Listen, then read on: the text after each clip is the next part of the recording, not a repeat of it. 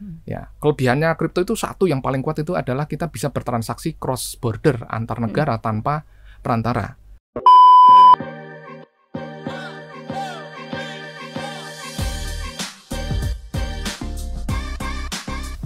Assalamualaikum warahmatullahi wabarakatuh.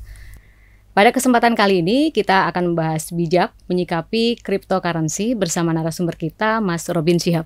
Selamat datang Mas di acara podcast kami. Ya, terima kasih.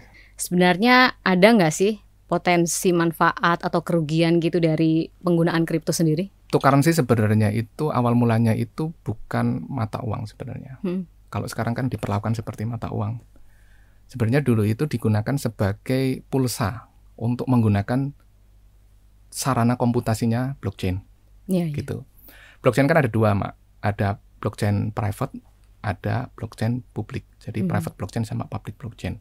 Nah, private blockchain itu tidak butuh cryptocurrency. Hmm. Ya, karena itu digunakan secara internal aja. Hmm. Karena mereka yang pakai server-server mereka sendiri, bayar listrik sendiri dan lain sebagainya. Sementara kalau public blockchain itu kan publik ya.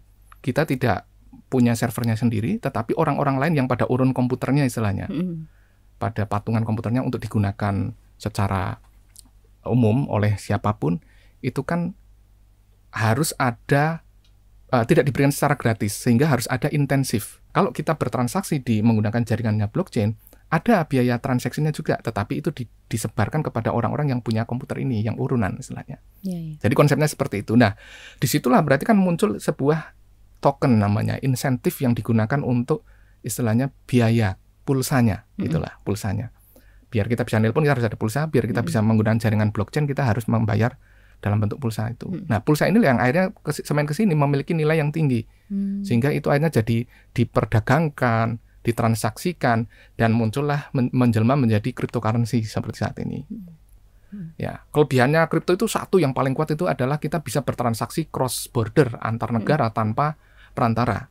Itu kelebihan yang tidak bisa di uh, apa namanya? ya sampai saat ini yang melakukan itu kayak uh, Visa, Mastercard dan lain sebagainya itu melalui kustodian ya mm. melalui ada ada ada orang yang menjembatani sementara kalau kripto itu tanpa kustodian dan bisa dengan transaksi dengan cepat plus dia bisa cross border itu kelebihan yang paling kuat manfaat yang paling nyata ya dari mm. dari dari cryptocurrency nah tetapi ada juga mudaratnya juga mm. ya ada ada mudaratnya yeah. ya semua produk itu ada yeah. plus minusnya ya pisau bisa dipakai buat masak, bisa buat buat ngerampok, misalnya mm -hmm. seperti itu. Sama cryptocurrency bisa juga dipakai untuk melakukan transaksi cross border yang cepat, bisa juga digunakan untuk pencucian uang. Banyak sekali yang melakukan pencucian uang. Walaupun ya tidak ya semua hal bisa pakai mencuci uang sebenarnya, nggak mm -hmm. cuma kripto ya. Ada ada ada yeah. plus minusnya. Nah, belum lagi muncul uh, begitu hype banyak sekali orang-orang yang memanfaatkan itu juga untuk penipuan.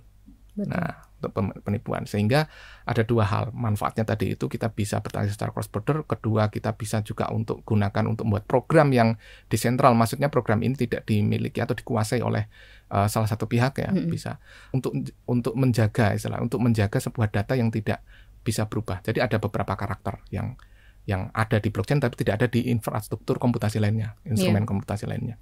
Nah, itu manfaatnya yang yang nyata itu. Adapun mudaratnya sekarang dipakai buat trading. Oh gitu. Nah, Sehingga banyak orang yang ah kalau beli kripto bisa langsung kaya gitu. Sehingga banyak yang terlena itu asal beli ya padahal sama aja resikonya kayak trading mata uang forex dan trading saham ya itu bisa naik bisa turun.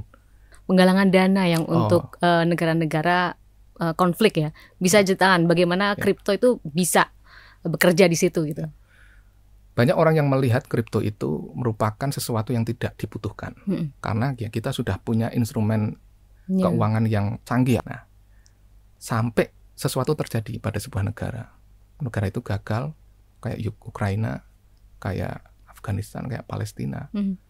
mata uangnya tidak bernilai. Betul. Ya, mata uangnya tidak bernilai. Barulah di situ merasakan manfaat kripto yang sebenarnya. Hmm. Ya, ketika sebuah negara itu kolab mata uangnya tidak diakui, kita harus menggunakan mata uang negara tetangga. Hmm. Itu artinya artinya hmm. mereka tidak menguasai, tidak menguasai terhadap aset yang mereka miliki sehingga bisa ditahan begitu aja oleh Betul. tetangga gitu. Nah, itu ya. yang membuat uh, problem. Nah, semenjak ada kripto, mereka itu berhasil hidup, makan dan lain sebagainya itu dari kripto secara langsung. Okay. Ya, banyak sumbangan yang masuk dari kripto. Kalau kripto yang dari Palestina misalnya bilang bahwa saya punya alamat kripto ini, saya butuh bantuan pemimpinnya misalnya, mm. ya kita bisa langsung oh, direct gitu. ke sana.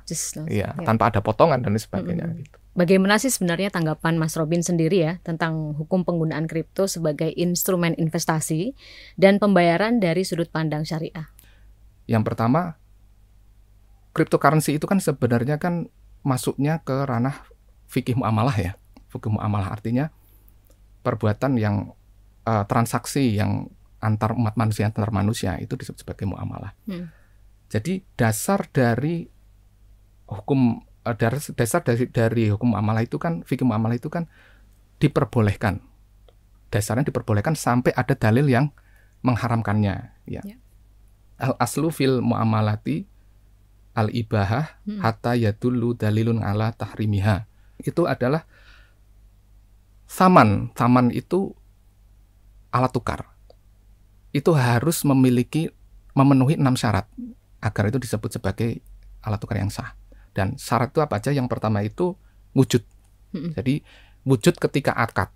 Jadi ketika akad itu harus ada wujudnya. Yeah. Nah, di sini itu perdebatan nih. Digital itu wujud atau tidak? Mm Ya kan? Mata uang uh, digital itu wujud atau tidak? Yeah.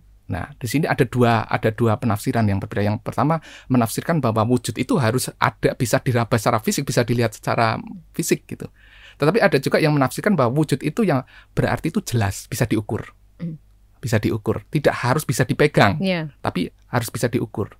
Lalu syarat yang kedua itu harus bernilai, harus bernilai sesuai eh, secara syarat. Yeah. Maksudnya itu bernilai secara syarat gimana? Tidak terbuat dari zat yang tidak terbuat dari zat yang haram. Mm. Contoh seperti najis, seperti yeah. haram, uh, najis, uh, kotoran, darah dan sebagainya. Itu kan uh, sudah jelas itu barang yang berunsur yang haram ya, unsurnya iya. sudah yeah. sudah haram. Tidak terbuat dari itu. Nah, kripto tadi memenuhi yang pertama itu maujud maujud kalau yeah. menggunakan definisi maujud itu Ukur. bisa diukur, yeah. bisa diukur kripto. Betul. Nah, yang kedua itu uh, apa bernilai secara syarak berarti tidak terbuat dari bangkai, tidak terbuat hmm. dari yang ha haram. haram. Itu sudah memenuhi syarat juga. Kripto tidak terbuat dari itu. Lalu yang ketiga itu bermanfaat secara syarat. Hmm maupun secara adat tradisi al-urf. Hmm. Lalu yang keempat itu bisa diserah terimakan secara nyata. Hmm. Artinya barang itu ketika diserah terimakan itu nyata barangnya, barangnya itu serah terimanya ada. Lalu yang kelima bisa dikuasai. Jadi barang yang akan kita serah terimakan itu bisa dikuasai secara penuh kita. Hmm. Yang nggak bisa dikuasai contoh apa? Jual burung yang masih terbang. ya, terbang burung masih terbang kita yeah. jual Mas saya pu, di area situ ada burung tiga masih terbang tak jual.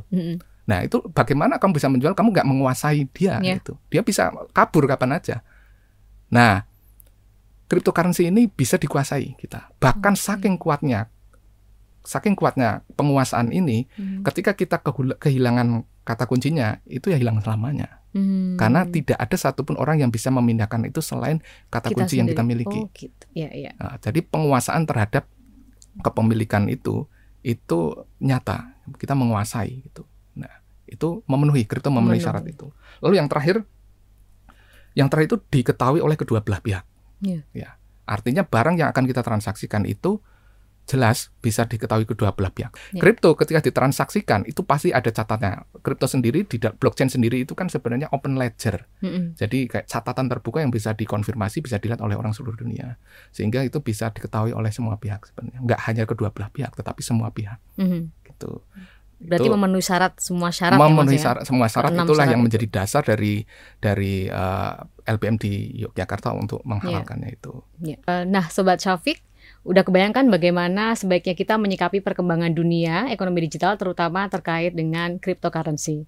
Di tengah segala kelebihannya, tentu kita harus memahami potensi kerugian supaya terhindar dari hal-hal yang di luar nilai syariah. Marilah menjadi umat yang cerdas dan bijak dalam menyikapi perkembangan dunia digital yang sangat dinamis. Saya Maria Fauzi, undur diri dulu dan sampai jumpa lagi. Wassalamualaikum warahmatullahi wabarakatuh.